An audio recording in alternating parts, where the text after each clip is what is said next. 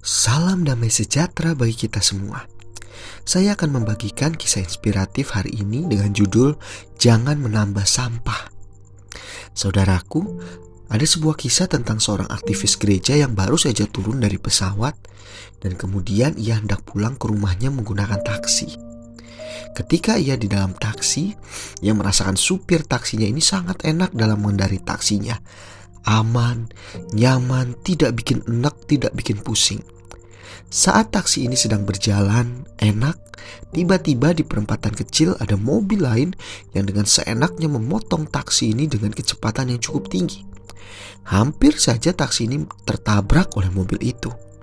Aktivis gereja ini di dalam hatinya sudah marah-marah dan hampir mengeluarkan perkataan yang buruk. Andai saja sopir taksi ini marah-marah, pastinya aktivis gereja ini juga akan nambah marah-marahnya. Namun, aktivis gereja ini menunggu-nunggu. Kapan sopir taksi ini marah-marah? Ternyata sudah 10 menit, 15 menit, bahkan setengah jam berjalan, supir taksi ini biasa saja.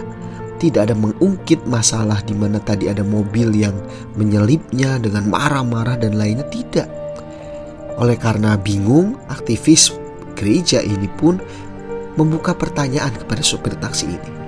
Pak, kok Bapak tidak marah-marah dengan mobil yang tadi hampir menabrak Bapak?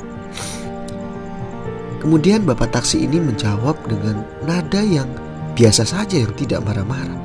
Ia berkata, Buat apa saya marah-marah? Setiap orang itu pasti tiap harinya memproduksi sampah, entah itu sampah benaran atau sampah yang ada di dalam hati. Kalau tadi saya marah-marah, sama saja saya mengambil sampah yang orang lain buang di tengah jalan dan saya ambil. Buat apa saya ambil sampah itu sehingga membuat saya menjadi ikutan marah-marah, hidup saya ikutan menjadi tambah busuk dan lain-lain. Wong setiap hari kita sudah produksi sampah, kita sendiri aja udah punya sampah. Buat apa kita ambil sampah orang lain? Lalu kita masukkan dalam diri kita, lalu kita jadi marah-marah. Eman-eman, Pak.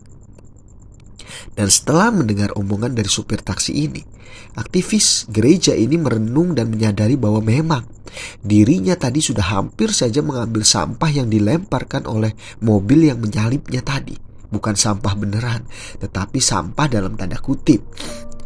Dan mulai saat itulah aktivis gereja ini mencontoh sikap dari sopir taksi ini, terutama ketika ia melayani di gereja, di rumah, dan di lain-lain tempat. Sopir taksi yang sangat sederhana ini setidaknya sudah dapat menjadi teladan hidup bagi aktivis gereja ini. Saudaraku, bagaimana dengan kita?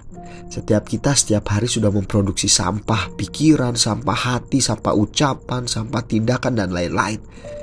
Lalu orang lain pun juga memproduksi sampah yang sama. Lalu apa tindakan kita ketika ada orang lain sedang membuang sampahnya itu di depan mata kita?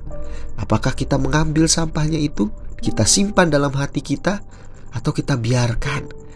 Ingat, ketika kita menyimpan sampah, itu akan menjadi busuk dalam hidup kita. Hidup kita akan jadi tidak baik, tidak enak untuk dinikmati. The Lord bless you Агипью.